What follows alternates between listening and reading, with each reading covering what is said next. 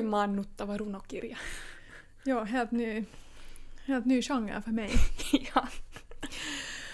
Um, ja, okej. Okay. Um,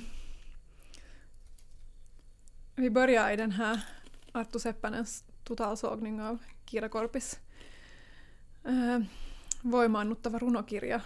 Vad skulle det vara?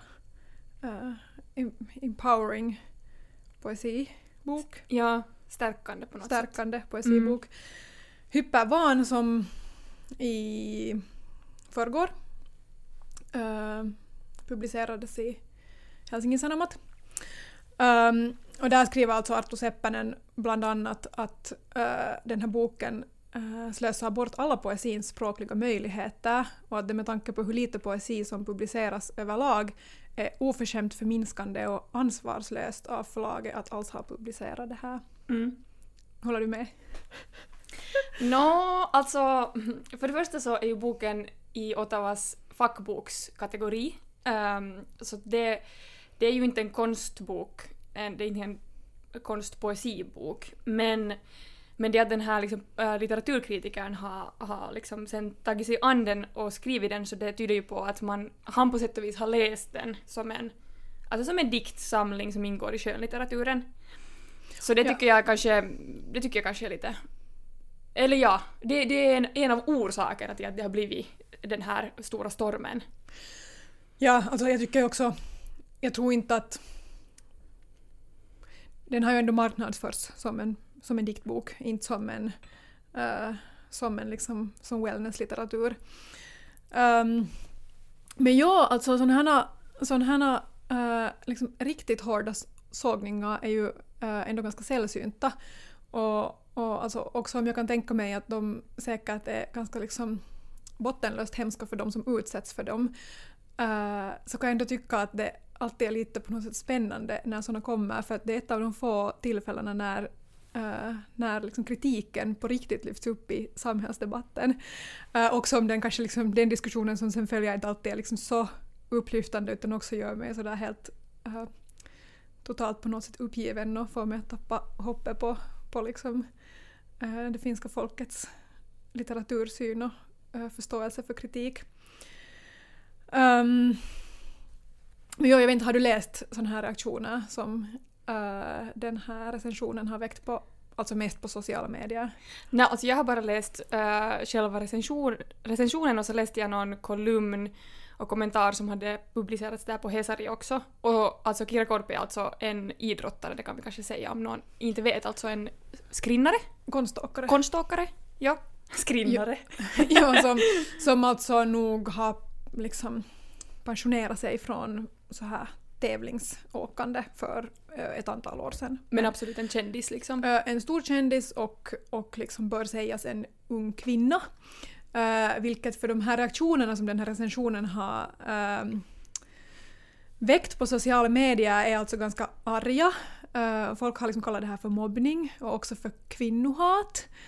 Um, och och liksom ifrågasatt syftet med den här recensionen, uh, alltså efter då så här devis att if you can't say something nice, don't say anything at all.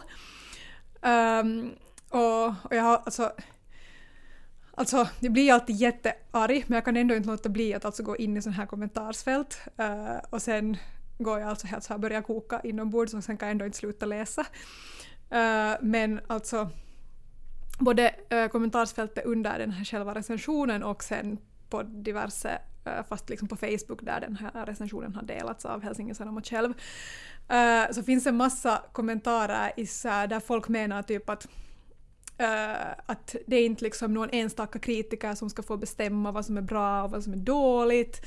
Uh, eller så att den här boken handlar om en uppbrottsprocess och att, att den är liksom skriven från hjärta. Um, att man får inte vara elak när någon har, liksom, har det svårt och har gått igenom en, en liksom hjärtesorg och, och, och liksom den här typen av reaktioner. Um, vilket jag ändå tänker att säga en hel del om så bristen på förståelse för, uh, inte ens liksom på poesi utan överhuvudtaget att det finns en skillnad mellan skrivande och poesi. Uh, och såklart, liksom, såklart alla ska få skriva, det kan ingen Alltså det behöver jag förstås inte ens förklara, att alla ska få skriva och skrivande kan ju vara jätte, jätte liksom, bra och hjälpa om man, om man måste processa någonting. Uh, men att det liksom finns en skillnad mellan att Eh, alla kan skriva men alla kan inte bli utgivna på ett stort och etablerat förlag. Och sen om man blir utgiven på ett inte behöver det vara ett stort och etablerat utan överhuvudtaget om man blir utgiven så då går det där som du har skrivit från din text till ett litterärt verk eh, som då ändå eh, måste få utsättas för eh, kritik och diskussion utifrån att det är litteratur. Mm. Ja, absolut. Eh, jag tänker där att, att det är liksom på något sätt den här, med de här kategorierna, så det är där som på sätt och vis man från förlagets del borde ha varit tydligare. Det här är nu en fackbok och det är ju wellness. Uh, att den kall, det att den kallas liksom diktbok, så det är egentligen fel. Att den borde liksom kallas, uh, vet du, något så här antek, alltså på finska skulle det vara liksom mietelauseita eller något liknande och då skulle den ha varit mycket bättre och då skulle den, för att den är ju inte litteratur uh, eftersom den är alltså utgiven i wellness. Alltså det är en själv, självhjälpsbok på sätt och vis. Det är det vad den egentligen är. Som är meningen att den ska ge liksom sådär vertaistukea, vad är det nu på svenska? Uh, kamratstöd. Kamratstöd, heter det så? Mm. Vad fint. Um, så, så det tänker jag, men, men jag, jag, jag, måste, jag är helt glad att jag inte har gått och läst i de där kommentarsfältena. Det måste ju vara typ i linje med ungefär den här Rika Purras, äh, Sannfinländarens uttalande om att all all kultur är elitism. Äh, Eller att kultur är en lyxvara som Finland ja. i nuläget sätter för mycket resurser på. Ja. Uh, jo, no, alltså det, det är ju liksom en... Alltså, vi ska inte gå nu för mycket in på uh, Rikka Purras uttalanden men, men uh, jag är på något sätt inte förvånad över att Sannfinländarna har ett så högt stöd uh, om det här är deras uttalanden och sen kommentarsfälten på sociala medier ser ut så här. Mm. Eller liksom det, och det, det gör mig sådär, jag vet liksom inte ens vart jag ska vända mig. Mm. Men, um, Men jag har tänkt på det också att det är lite som att vi, ibland tänker jag att vi lever i en liten bubbla, liksom äh, du och jag och, och, och andra där vi liksom läser litteratur och vi älskar litteratur och vi, är, vi tror på sätt och vis på litteraturens framtid. Uh, och sen när man kommer ut ur vår bubbla så är det ett ganska så här sorgligt landskap. Det kan hända. Uh, det kan hända. Uh, samtidigt tror jag nog också att man måste komma ihåg när man rör sig på så här liksom hemska kommentarsfält att vem är det som orkar gå där och liksom kommentera? Mm, sant. Uh, att det är ju kanske liksom överrepresenterat av en viss, viss liksom kategori. Ja. Uh, men jag tänker att den här diskussionen alltså förstås också anknyter till åtminstone, alltså till en sån diskussion som åtminstone i Finland har förts de senaste åren alltid regelbundet just på sociala medier. Uh, som handlar om så här liksom när, när influencer kändislitteratur uh, ges ut och, um, och när de liksom försöker på något sätt uh, verka på det litterära fältet och hur det sen skär sig med Uh, liksom för det litteratur, litterära fältet fungerar ändå enligt en helt annan logik än den där liksom, som är fältets verklighet. Eh, så att det här liksom anknyter till en sån diskussion och sen anknyter det förstås också till en liksom, evig diskussion av hur litteraturen blir allt mer kommer kommersialiserad. Och alltså i samband med den här Arto Seppänens recension så publicerades också en kolumn av Antti Majander som, Eh, som diskuterar just uh, liksom hur förlagen uh, har gått från, han använder ett så här fint gammalt ordspråk att, att bokförlag ska vara uh, ett mellanting mellan en, en liksom börs och en katedral.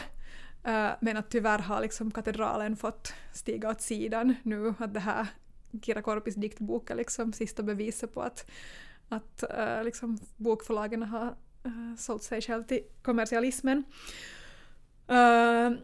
men Jo, jag kan flika in här att, att ah, det, där, det där är intressant. Samtidigt, förlag, förlagen har ju alltid varit, liksom verka i det här spänningsfältet mellan pengar och konst äh, för att liksom ge ut böcker som liksom på något sätt tjänar in Uh, tjänar in någon sorts, men att det har absolut liksom blivit allt mer kommersialiserat. Jo, jo, alltså det var ju det som han sa, att det, ska, ja. det har alltid varit ett mellanting mellan de här två, liksom kommersialismen och kulturen, eller konsten, som två krafter.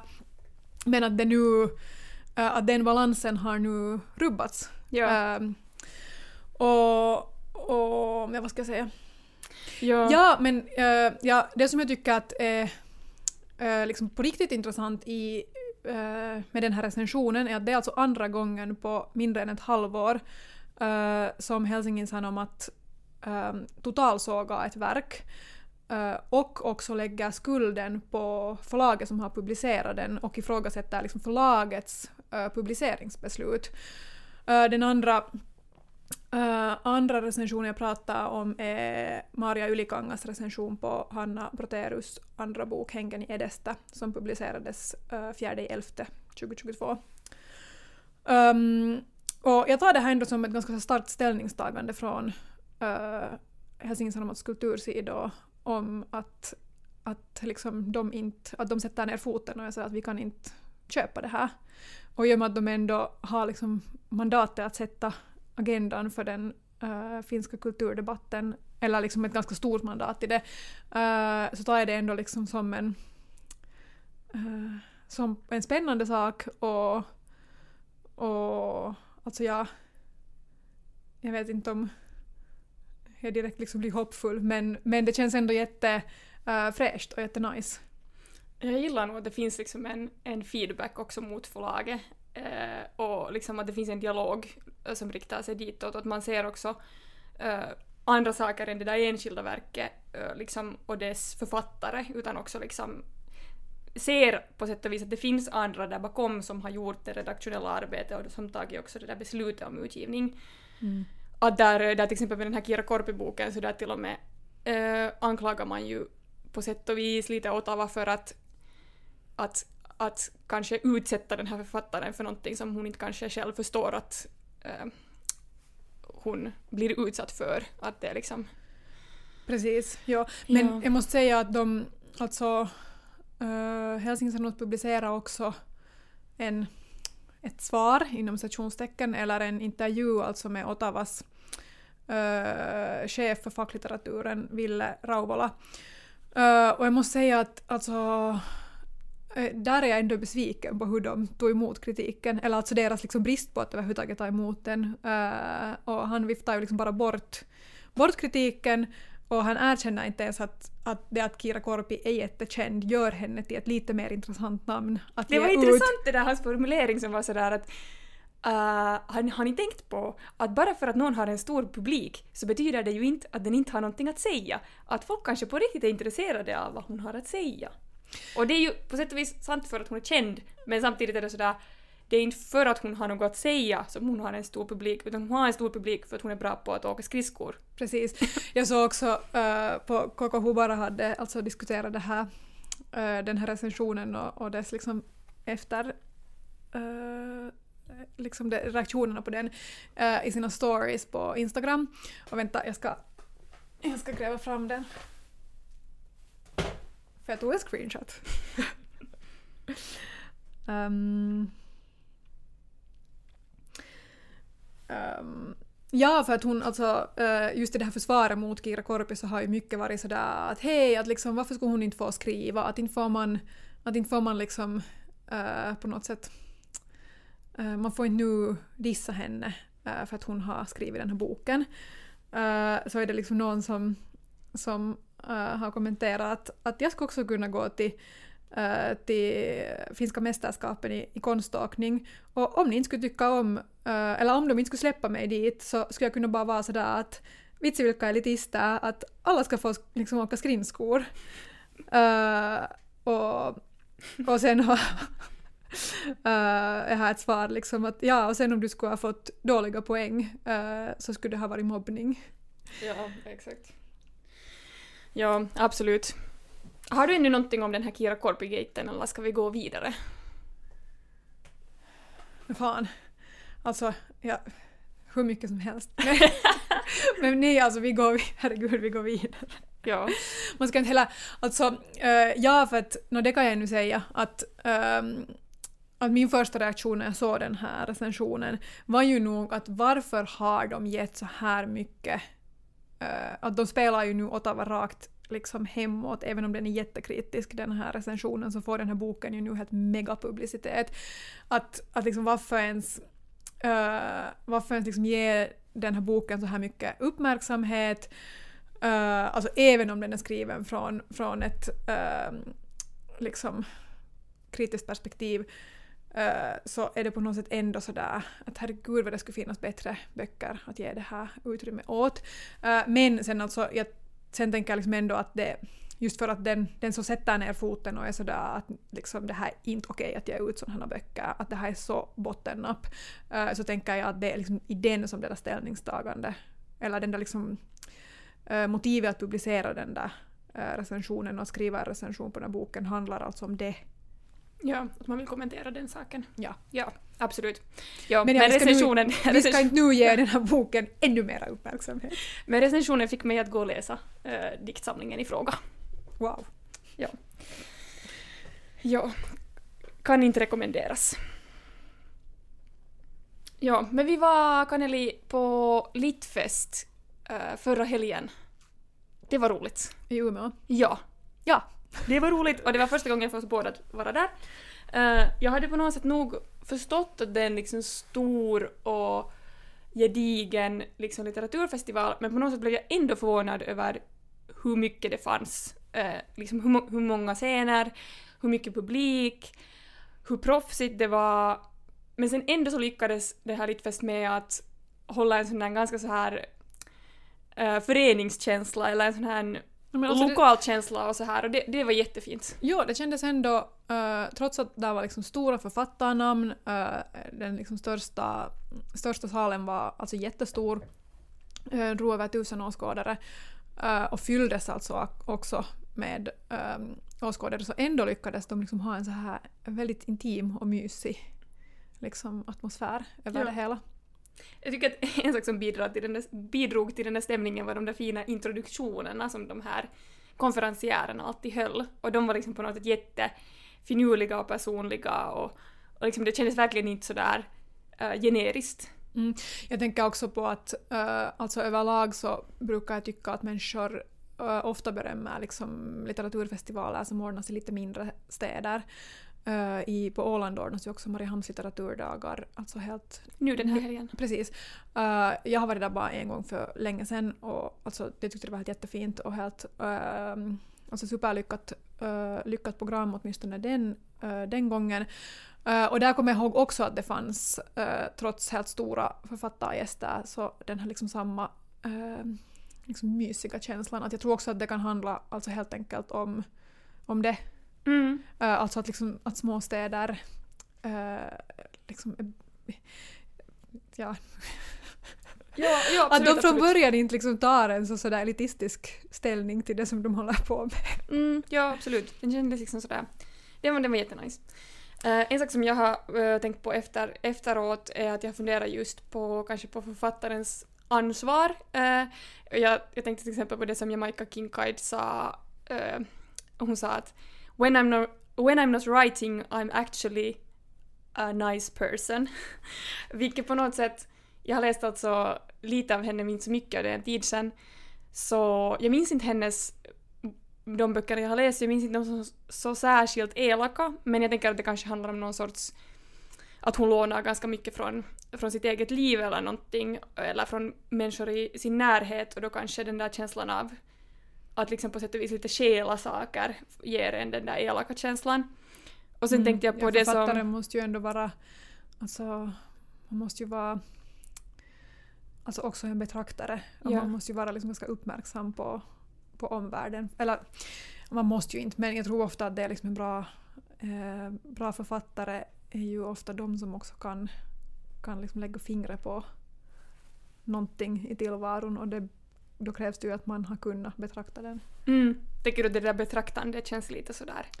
Uh, jag tänker liksom att um, alltså när du sa att man lånar saker från sitt egna liv och att då, eh, alltså det här får liksom för mig vidare till en sån där att ja, att om man då liksom lever i närheten av en författare så är man alltid liksom, eh, riskerar man alltid att bli liksom ett föremål för den här författarens eh, Mm. liksom skrivande eller att man kan liksom, Uh, och att, att det kanske um, är det som tolkas som inte så sympatiskt. Mm, ja, jag förstår. Ja.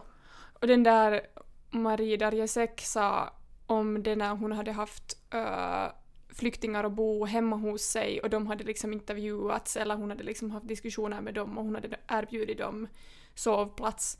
Uh, så, så sa hon liksom att hon upplever inte att hon var på något sätt någon god uh, person som vet du, gav dem husrum utan de gav henne minst lika mycket tillbaks genom sina berättelser som de berättade om sitt liv och de var också införstådda i det att hon kommer att använda det i sitt skrivande, att det var liksom någonting som de pratade om i något skede. Mm. Jo, alltså, då, det, det, som jag just ja. menar var det där att författare är liksom alltid en sorts här parasit där på sin omgivning. Jo, exakt. exakt. Uh, men jo, så sen tänkte jag bara att det var, det var på något sätt fint, de två grejerna stannar kvar för att de på något sätt lite sådär kommentera varandra, uh, tror jag. Ja, det var också mina uh, faktiskt favoritsamtal. Um, det var, alltså det som jag tyckte mm, liksom mest om med, med Umeå Littfest um, ehm, var eh, apropå den diskussionen om uh, Kira Korpi och kommersialism i litteraturbranschen uh, så kändes Umeå Littfest liksom verkligen nedtonat på den fronten. Uh, det var, det var liksom absolut mest fokus på, på samtalen och på liksom själva litteraturen. Att också då när, när på något sätt man pratar om fast eh, aktuella samhällsfrågor så var det liksom alltid genom litteraturen eller via den. Uh, liksom, istället för att författarna skulle vara där som någon slags uh, politiska experter till exempel så var de där liksom i egenskap av att, att skriva litteratur och inte kommentera samhället liksom direkt. Mm. Mm, ja. ja, skrivande fick nog jättemycket plats och det var fint. Ja, sen tänkte jag alltså också... Um, nej, jag glömde, det lär det få. Ja, vi såg också båda ett samtal som handlade om ljudbokens uh, situation och, och särskilt royaltyprocenterna uh, som går till författare i, i ljudbokssammanhang. Uh, och det var kanske en av de... Det, var, det fanns inte så jättemånga så här bransch, branschsamtal eh, ja, det var, nog ett, det var nog ett undantag. Ja, det, men det var ett sånt. Och, och det tycker jag... Det, det där tycker jag att det var... Alltså särskilt det som Monica förde fram var intressant, alltså att hon talade om att det borde ordnas en sån här eh, kampanj om så här rättvist lyssnande.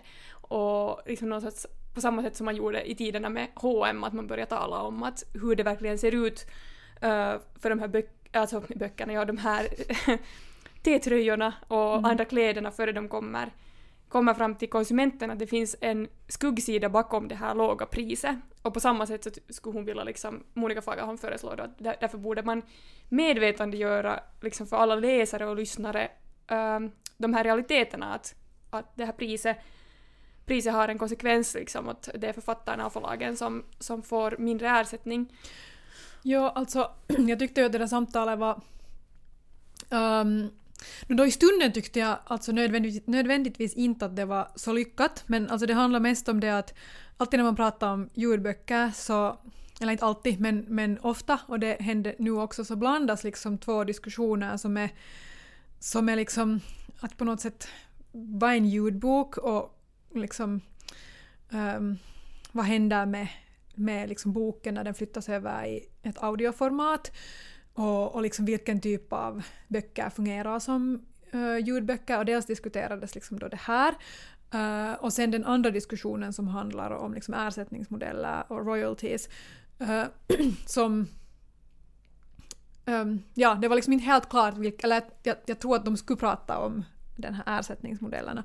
Uh, men det är liksom svårt att undvika den där diskussionen av att vad är en ljudbok och jag tycker att den för mig som Uh, för mig så är den diskussionen på sätt och vis mer intressant men jag kommer kanske från ett mer sådär forskningsperspektiv på det här och som en uh, läsare och lyssnare.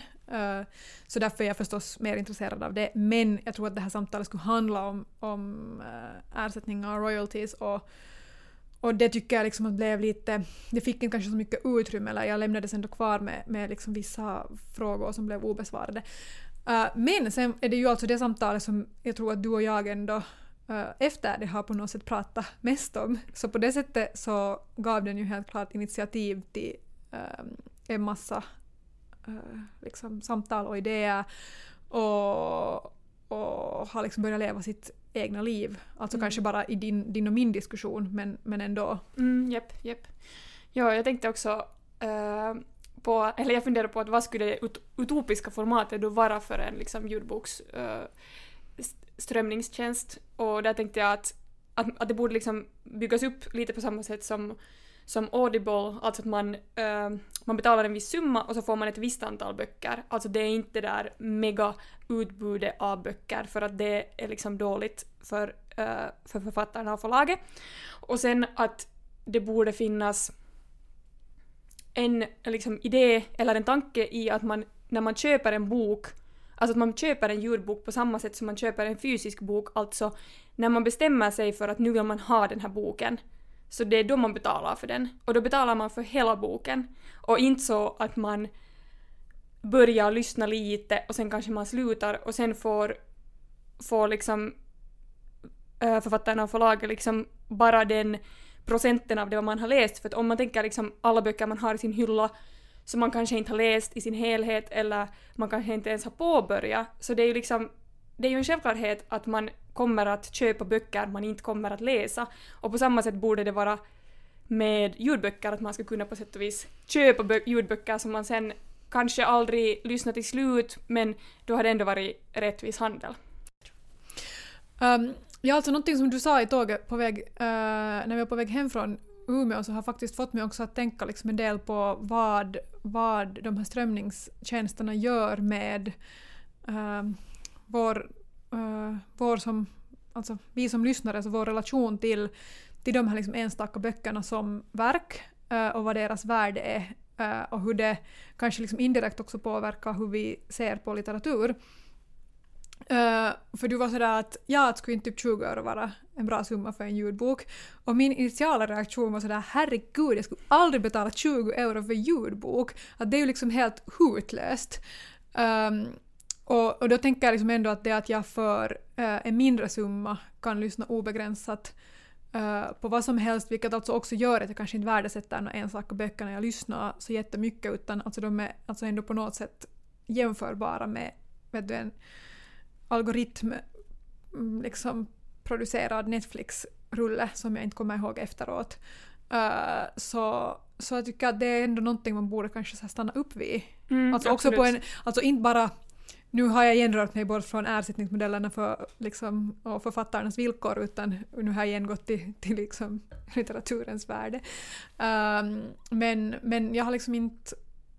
Uh, jag kanske saknar lite en sån diskussion. Jo, jag, jag tänker att, att den idén som jag har är att, att 20 euro skulle vara ett bra pris för till exempel fyra böcker per månad och då skulle man liksom få ladda ner de där fyra böckerna och sen så skulle man, eller alltså spara dem i sitt bibliotek, inte ladda ner. Och så skulle man ju kunna liksom lyssna på dem någon annan gång, alltså man måste inte lyssna alla fyra under den månaden utan man har dem på sätt och vis så länge som man har det där abonnemanget. Och, och sen om man vill ha fler böcker än det så skulle man då betala någon sorts engångsarvode och få liksom flera där på. Men jag tänker att det som också kommer in Eh, som en relevant fråga är kritiken och ljudbokskritiken. Och det tänker jag att, att det liksom för att få ljudböckerna att stiga upp som en riktig konstform som man är beredd att betala för så skulle också ljudbokskritiken behöva utvecklas och finnas och, och, och finnas allt mer för att via kritiken så kommer man ju att hitta de ljudböckerna man är beredd att betala, betala mera för. Alltså det finns en sån här, det behöver inte bara vara liksom tidningskritik i tidningar utan det kan ju också vara boktips eller ljudbokstips på olika sätt. Men att det där, Alltså hur menar du De med ljudbokstips? nå alltså... Eller för att då tänker jag att tips är ändå en annan sak än kritik. Att vad är, alltså, jag vet att det här är någonting som du har pratat om uh, alltså tidigare också men du har visst varit på ett seminarium till och med om ljudbokskritik. Eh, så berätta, vad är ljudbokskritik? Hur skiljer det sig från, från vanlig kritik? Eller Eh. vanlig inom stationstecken. Nå, alltså, bara en ljudbokskritik är ju att man skriver en kritik av ett ljudboksverk. Men tar man då liksom... ehm, är det då uppläsningen man fokuserar på eller liksom hur... Jag Både och. Liksom man, man fokuserar liksom både på uppläsningen och själva verket och liksom hur det funkar som helhet. Men det finns ju ofta inte en sån alltså, text därför för att det skulle bli lite dubbelt om till exempel en bok som recenseras i tryckt format sen också recenseras i ljudboksformat.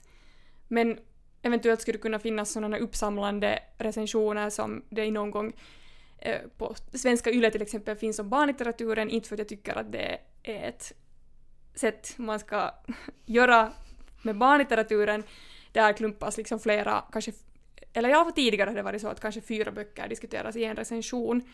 Men det skulle kanske i det här läget, nu när ljudbokskritiken är i, i på sätt och vis början, så skulle det kunna kanske finnas ett sånt tillvägagångssätt där man skulle ha liksom en recension och så skulle man i den recensionen diskutera flera, flera verk samtidigt. Mm, alltså jag lyssnar ju mycket på ljudböcker och jag tänker att många sådana frågor som handlar om ljudboken som ett litterärt verk och, och vad gör den, men liksom att vad, vad är den där skillnaden med det där formatet och vad gör den liksom förändrade medien med den där, med, med den där boken. Uh, så intresserar mig jättemycket men, uh, men jag tror att jag skulle hellre läsa liksom större recensioner som skulle liksom behandla um, tendenser och fenomen och, och liksom uh, sånt. Mm. Där man just diskuterar flera. Ja, där man liksom inte diskuterar enskilda verk Mm. utan man kanske kan ta exempel från enskilda verk. Men Ja. alltså kanske mera liksom um, mera vad man liksom gör med det där ljudformatet. Är det bara uppläsning eller finns det ljudeffekter och hur olika läsares olika läsningar liksom kan påverka och, och liksom sånt. Ja. Och ja, och sen när jag nämnde tips och kritik så då tänkte jag att de där tipsen kanske görs av bibliotek eller influencers eller sådana typer av instanser. Men det görs ju redan. Ja, det görs ju. Men de kanske inte får så mycket synlighet. Nå ja, alltså jag tänker nog att så här influencers liksom, Ja. vet du betalda bookbeat-reklamer så Ja, de finns nog alltså överallt. det är sant. Så att, Men nu är vi igen, Eller nu är vi igen i den här bubblan för att vi är sådana här liksom high-end uh, litteratur eh, konsumenter eh, som liksom både läser och lyssnar och intresserar oss för kritik och liksom sen finns det så mycket, många av dem där ute som bara vill liksom just ha det där smörgåsbordet och ha hur många som helst och inte vill följa med någon kritik överhuvudtaget. Men ja. Det är alltså för dem, för dem är ju liksom den nuvarande modellen ultimat. ja, men vad gör det sen alltså Um, jag har kompisar som lyssnar på, som alltså ut, från, som rör sig i helt andra branscher, som lyssnar på liksom, vet du, 150 böcker i året. Ja. Och de är sådär det här är helt ljuvligt, de liksom lyssnar på att de har liksom aldrig konsumerat så här mycket litteratur i sitt liv. Oh, Eh, och sen är jag sådär att wow, men, men samtidigt är det så att man försöker ta upp en bok de har läst för ett halvår sedan så kommer de inte ihåg något från den. Eh, eller liksom jag tänker att det, det, det är en helt annan syn på vad litteratur ens är för någonting. Det är liksom sådär snabb underhållning, det är liksom någonting som du Vet du, och det, det är helt alltså okej, klart att litteratur också ska få vara det. Men, eh, men jag tänker ändå att det är ett problem om det sättet vi eh, liksom tar oss an litteratur eh, är genom en plattform som får oss att liksom, konsumera litteratur på det här sättet. mm, ja.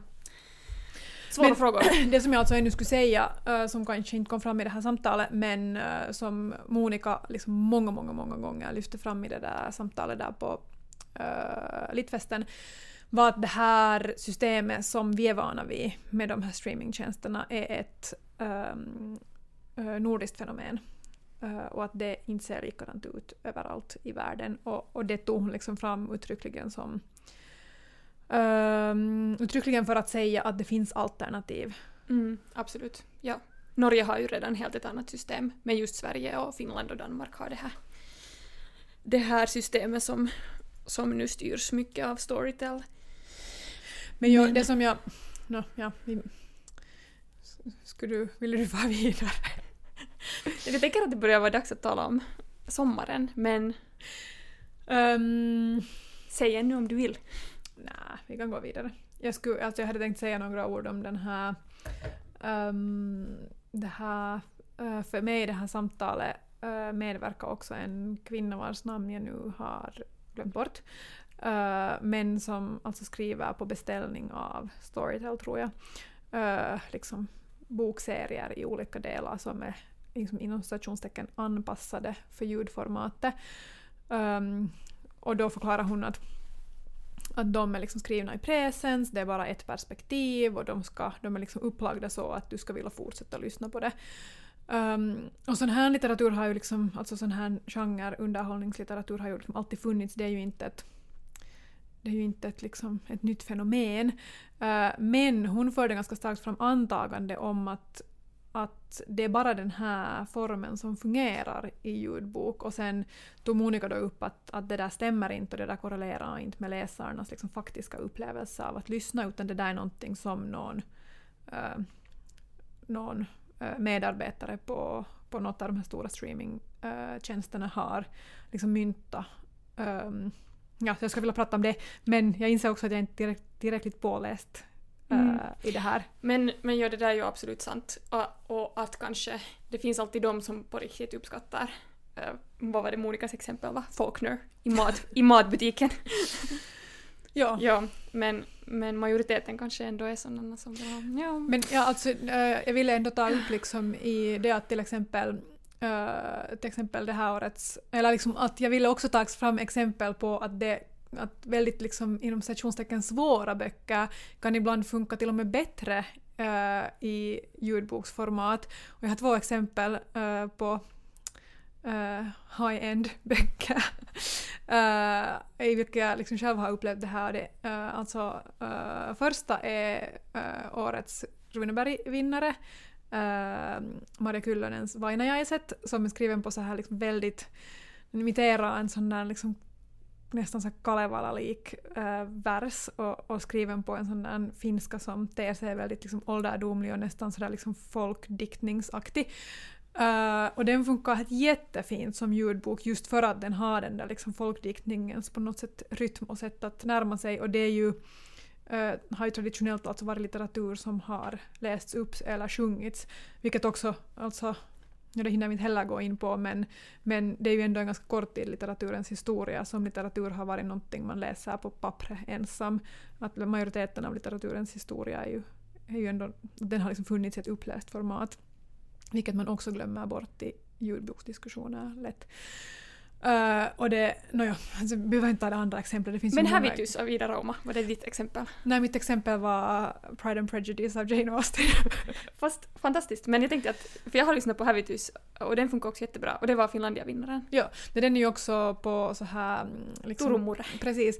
Uh, så den kan jag tänka också att ha en fin, fin nivå i den där uppläsningen. Men jag alltså mm, inte bara uh, Stolthet och fördom, alltså på engelska, utan överlag liksom sådär äldre engelskspråkiga klassiker så har jag lättare att ta mig an upplästa för att det där språket, när jag hör det så förstår jag det liksom mer instinktivt än när jag läser det när det förvandlas, eller då förvandlas det till liksom ålderdomligt för mig. Ja, ja. ja jag tänkte nu när vi nämnde de här vinnarna så kan jag nämna också den debutanten som vann Borås litteraturpris, äh, Mikael Yvesands äh, Häng City, så den funkar också jättebra som ljudbok och den var äh, läst då på Luleå-dialekt, Va, vad jag förstår, vad jag tror och jag tycker den var hemskt hemskt fin just för att den var super dialektal i sin uppläsning, där är jättemycket dialog och den var alltid återgiven på dialekt. Och jag tänkte så här spontant att jag skulle tycka att det var jobbigt, att det var så mycket på sätt och vis skådespel. Men till min förvåning så tyckte jag att det var helt jättemysigt och fint att, att få den där dialekten. Uh, men sen, det enda stället jag blev sur var såklart på slutet när det kom en liten bikaraktär som pratade finska, uh, eller alltså en Sverigefinne då, som då bröt på, mot finska, att han, han talade liksom svenska men bröt mot, mot finska och så var han såklart lite alkoholiserad. Och så spelade den här ljudboksläsaren liksom upp den här Sverigefinnens dialekt uh, och då, då blev jag lite sådär uh, sur. Minst sagt. Nåja, men ja. det var som tur inte en, en central karaktär. Men det där är ju sen en alltså um, dialekter och ljudböcker är ju en, en, Men det ska vi inte nu gå in på. Uh, men blev det här nu en sån här uh, spontan ljudbokskritik som du efterfrågade? Det här var just, jag tänkte just säga att det var ju det här som vi efterfrågade och nu gjorde vi Lite det själva. Tips. Lite tips! Och jag kom på att det som jag också ville nämna idag är att jag har lyssnat på den där TikTok-hitten It Ends With Us av Colleen Hoover som är en sån här Eh, uh, romance-författare som har skrivit, är tro, otroligt produktiv, har skrivit kanske 20-25 böcker och många av dem ingår i någon sorts serie som fortsätter och fortsätter. Och den här, den var ju nog faktiskt det var ju nog faktiskt en upplevelse att lyssna på It Ends With Us och det är också inte en bok som jag rekommenderar egentligen utan jag lyssnade på den för att jag tänkte att den är superkänd eh, uh, och jag vill veta vad det är, vad, vad det är som gör den känd. Och det som är alltså intressant är att den är ganska våldsam, alltså ganska grov eh, liksom handling. Det handlar om en tjej som eh, vars, vars pappa har varit eh, så här vålds, våldsam mot hennes mamma. Och så börjar det med att den här pappan har dött. Och så träffar då den här huvudpersonen liksom en, en person som hon blir förtjust i.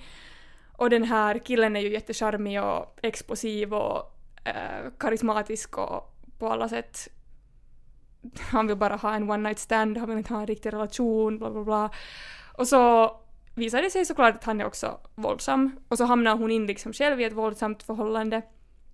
Och så handlar det lite om att just försöka bryta den där spiralen, eh, att man, man har liksom haft en pappa som har varit våldsam mot ens mamma och sen så tänker man att man aldrig ska göra det och man ska aldrig bli i den situationen själv och sen så hamnar man plötsligt i den situationen själv. Och jag, jag tänkte först, alltså när jag lyssnade, att det här är så underligt att den här liksom romance liksom skriven extremt så här underhållande men sen är den också sådär helt superallvarlig. Alltså de där teman är liksom bara alltså så på något sätt jobbiga. Och sen på slutet så i ett efterord så kom det nu fram att den här boken har varit extra svår för den här författaren att skriva för att, så att hon det är ju liksom självupplevt på det sättet att hennes pappa var också våldsam mot hennes mamma. Uh, och i författarens eget fall var det så att uh, den där uh, mamman lämnade den där pappan redan när hon var bara tre år gammal och hon är liksom jätte den här författaren är jätte liksom glad över att hennes mamma kunde lämna den där pappan uh, för att det skulle ha påverkat henne så negativt att måste växa upp med, i ett hem där en pappa är våldsam mot en mamma. Men, men alltså, det var på något sätt sen ännu den där, liksom det där efterordet på något sätt var sådär ännu ett så här att, att shit, att det här var liksom verkligen allvar. Och då hade jag liksom cringeat mig igenom hela den här boken. För att den är så den är så liksom cringy att jag vet du dör. Men sen samtidigt så har den någonting, alltså ett seriöst botten liksom på sätt och vis. Och jag tänker väl att det är kanske det som har varit så alltså, tilltalande för ja. den här målgruppen. Jag skulle just fråga att men varför, varför har den ja. blivit, vad är din tolkning på varför den har blivit så populär? Alltså jag hade inte hört för jag följer inte med i någon TikTok-diskussion för jag har blivit så gammal att jag inte orkar. uh, men uh, så jag hörde liksom om den först när du började prata om den. Uh, och, men ja, liksom... No, min tolkning är det att, att den, den är liksom sån här super sympatisk och gråtig och liksom emotional, liksom super emotional read. Uh, men sen är den liksom jätte underhållande skriven, att det är jättemycket handling. Så den är liksom lättillgänglig men sen har den ändå på sätt och vis alltså ett allvar där i. Uh, men sen är den nog helt super sådär, om du tänker amerikansk tonårsserie, så den är liksom just sån, uh, inte vet jag, sådär, alla de där troperna är där, just den här mannen som bara vill vet du ha en one night stand och den här tjejen som absolut inte tänker gå i säng med någon som inte vet du är redo för allt, att commitment och, och liksom, ja, alla de här stereotyperna kommer i den. Jag ska inte lyssna på den här boken. Nej, men jag utforskar den nu för, för oss alla. Så nu kan du konstatera att så det kom liksom några positiva ljudboksrecensioner och en negativ. Ja. Men hej, vi har faktiskt en uh, bok som vi ska prata om idag uh, som ju um, också är en tonårsskildring och också uh, innehåller um, våld kan man väl säga, men i en helt annan, annan genre. Ja. Det är Sommaren av Elin Persson och det är Elin Perssons tredje bok eh, efter Augustvinnaren. Visst var det den Augustvinnaren? Jag tror den fick... Uh, fick den inte Nordiska rådets? Aj, det var... Ja, det var kanske Nordiska rådets. No, någondera för den här De afghanska sönerna, en ungdomsroman. Och så har hon skrivit en annan ungdomsroman som heter Det, det drar i mig, tror jag. Och det här är nu den första som är på sätt och vis vuxen men den handlar ändå om en 12-årig huvudperson som heter Lea. Jag funderar också att det här kanske är ett fall var sån där liksom ungdomsvuxen på riktigt inte alltså spelar någon roll. Eller att det känns nästan lite sådär fånigt att lägga en, en någondera stämpel. För jag tror också att den här skulle funka ganska bra som en sån här, vad ska man säga, övergångsbok mellan, mellan liksom unga äh, läsare som, som kan börja läsa vuxenlitteratur. Mm. Ja, absolut. Men jag blev ganska förvånad att den var, att den var så pass mörk, eller att det fanns så mycket liksom inte så här mörka men, men på sätt och vis ändå mörkare i den för det här omslaget är ganska så här puderrosa, eller det är, det är inte puderrosa i färgen men om du förstår vad jag menar. Liksom, Alltså jag ser ju det här omslaget så jag förstår vad du menar men... eller vet du, jag tänkte på, här finns en sån här liten hästsilhuett som galopperar här nere. Och jag tänkte att vad om den här hästen skulle ha varit liksom på något sätt... Vet du, att det borde ha, borde ha funnits någon sorts spricka eller någonting. Eller vet du, någonting som liksom bryter från den här bilden. Jo, alltså jag fattar vad du menar. Jag, jag kommer liksom kanske mot samma punkt men från ett annat håll. Uh, för alltså, uh, när jag först läste om den här boken så tänkte jag att liksom Ja, alltså rent tematiskt så finns här den där risken för att den här berättelsen inte, liksom, inte är sig helt originell utan tvärtom som sådär ja men att det här har man ju kanske läst om liksom tidigare.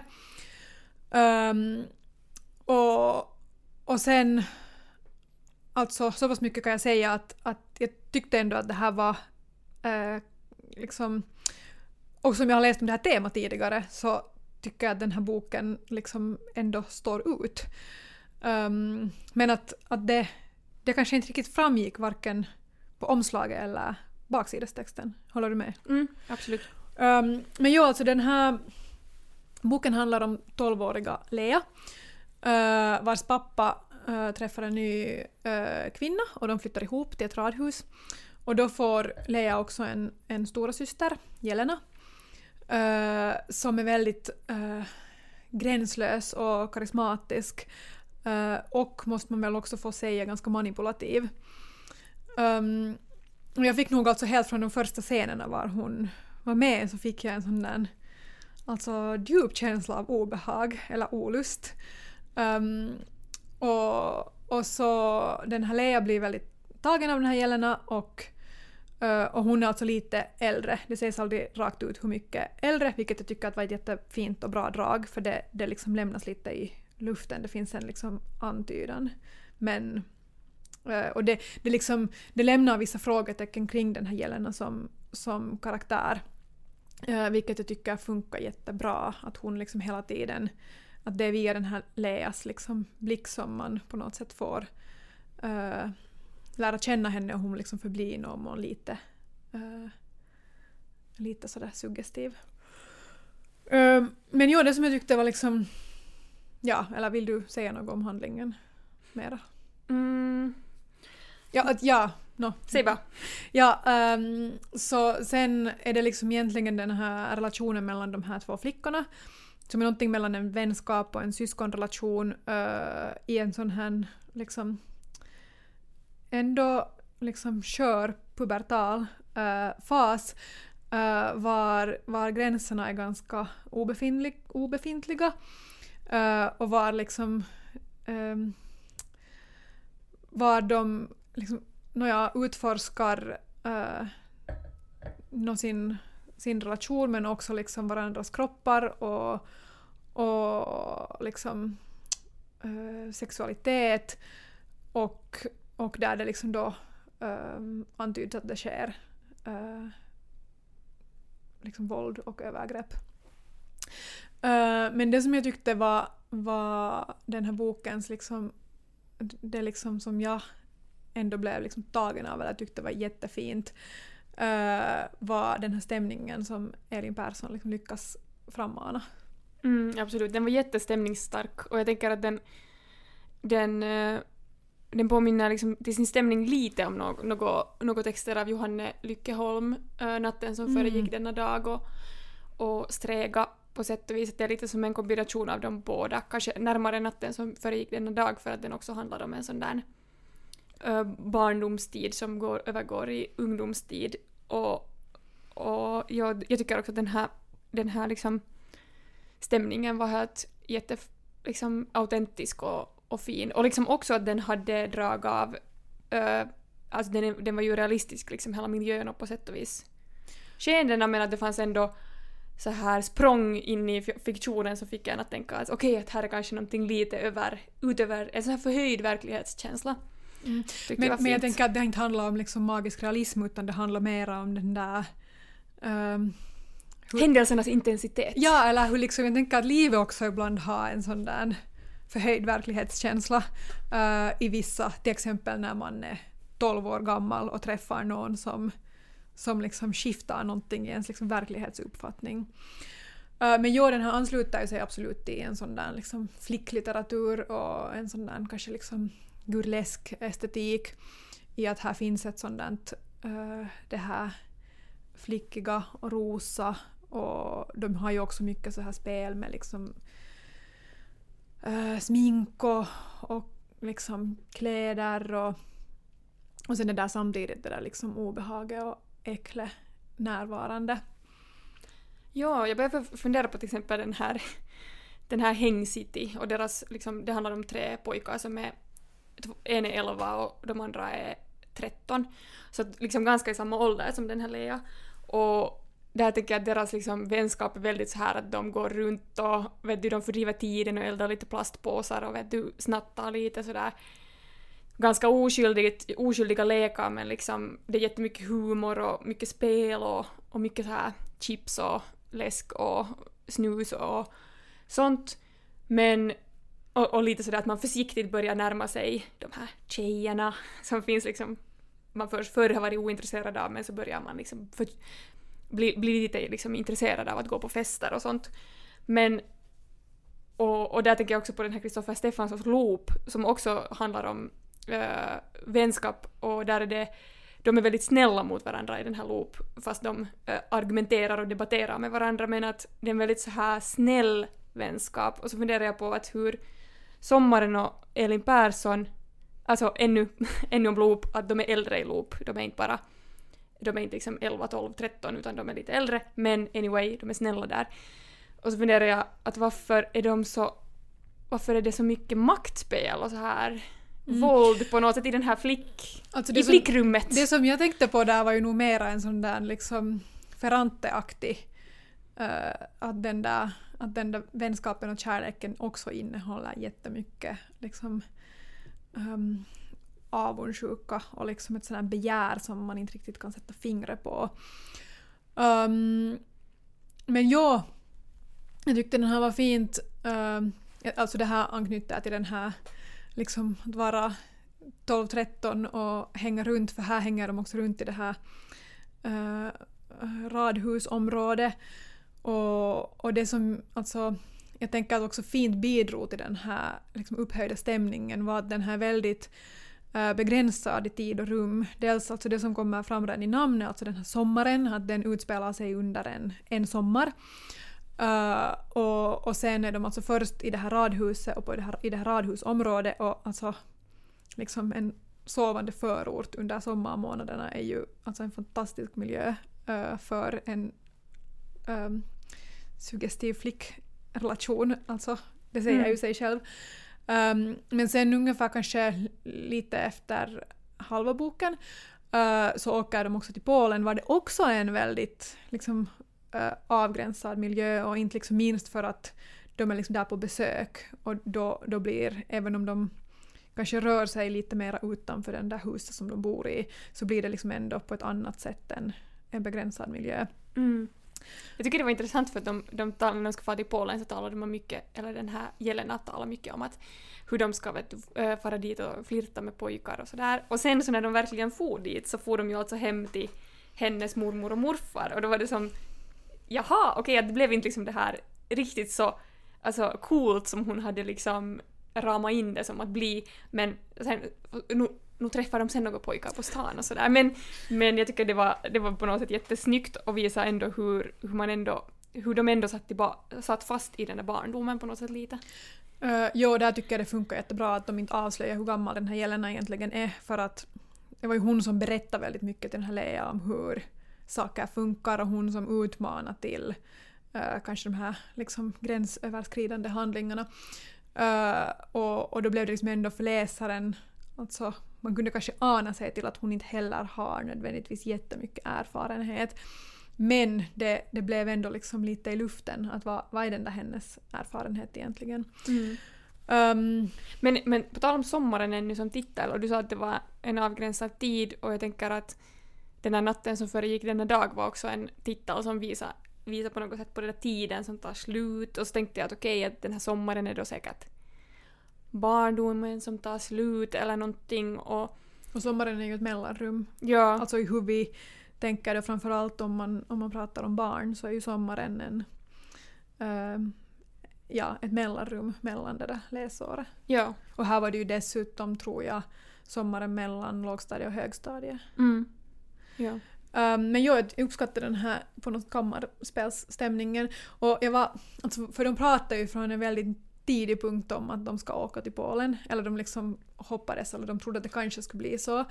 Uh, och så tänkte jag att just i kammarspel, alltså på scen i teater, här traditionella kammarspel, så är man ju alltid på väg någonstans. Men man lämnar samtidigt aldrig den där kammaren. Eh, Så jag var helt säker på att de kommer så inte komma iväg. Eh, Och sen var jag nästan besviken när de åkte iväg. Jag bara va?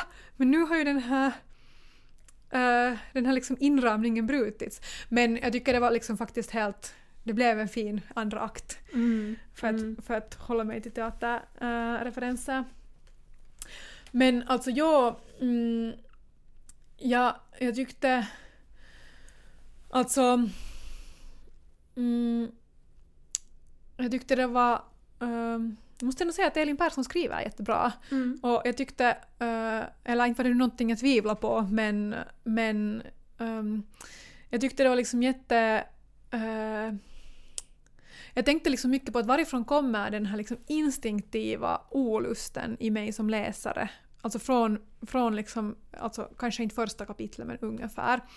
Eh, och sen, sen ehm, mot slutet av boken så var jag sådär att ja, att det kommer ifrån det att ingenstans har något liksom på riktigt dåligt liksom eh, bokstavligen hänt. Att allt, allt som egentligen händer finns ju liksom mellan raderna eller liksom högst i bisatser. Um, och, och hon liksom också vågar avstå från att skriva ut saker. Och, och det tycker jag liksom är, eh, var snyggt gjort. Mm, ja, och det blir liksom lite den där på sätt och vis utsatta känslan uh, stärks på något sätt av det att, att, de, att, det, på, att det inte sägs rakt ut. Att det är ofta ganska så här objektiva iakttaganden. Och sen kommer känslan fram liksom uh, genom miljöer och, och, och beskrivningar men att Jo, det är- det är ju den här Lea som vars perspektiv man får ta del av, men hennes tankar får man jättesällan ta ja. del av och hennes känslor får man jättesällan ta del av. Alltså sen, sen är det ju liksom inte... eh, det är kanske inte alltid oklart vad hon tänker, vad hon känner. Och jag tänker inte att det är alls meningen heller. Jag menar inte nu att den här liksom... Det är ju helt uppenbart men, mm. men eh, eh, det var liksom... eh, det, det, det är ändå eh, svårt att skriva liksom minimalistiskt men laddat. Mm, mm. Ja, jag tycker att hon fångar den där, på något sätt den där utsattheten ändå i, i, i den här barndomspositionen som jag tycker är jättefint. Till exempel, ska jag läsa ett citat från slutet Läs! som jag tyckte var jättefint. Eh, det kommer nu ganska så här plötsligt mitt in i det, men, men det är alltså Lea som pratar med sin pappa.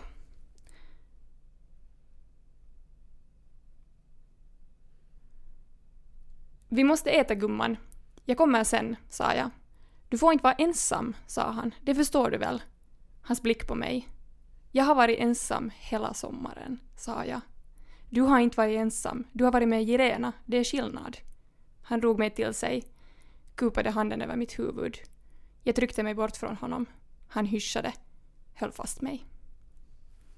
Jag tycker det var jättefint det här liksom på något sätt med...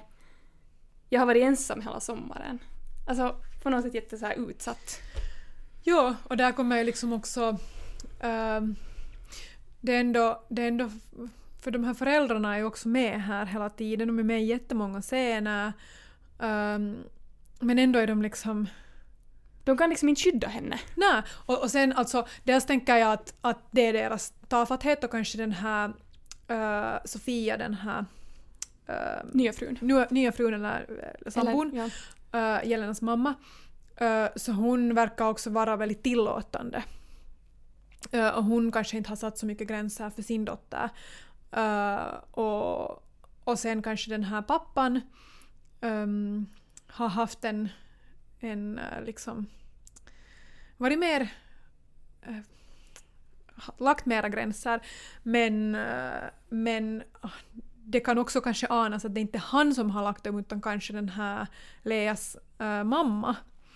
Äh, så han är liksom inte heller jättenoggrann med att hålla liksom fast dem utan han ger liksom efter för att de ska ändå sen få göra äh, saker och jag tänker liksom att det är både att de misslyckas i att se vad som händer men, men alltså också för sen fanns det den här Leas mamma är, liksom ganska frånvarande eh, men det finns liksom någon scen när den här Lea är hos henne eh, och, och hon är först liksom lite sådär avig och vill inte riktigt säga någonting till sin mamma och sen ska de åka och bada och sen någonstans där i vattnet så, så hittar de ändå en sån bra gemensam ton.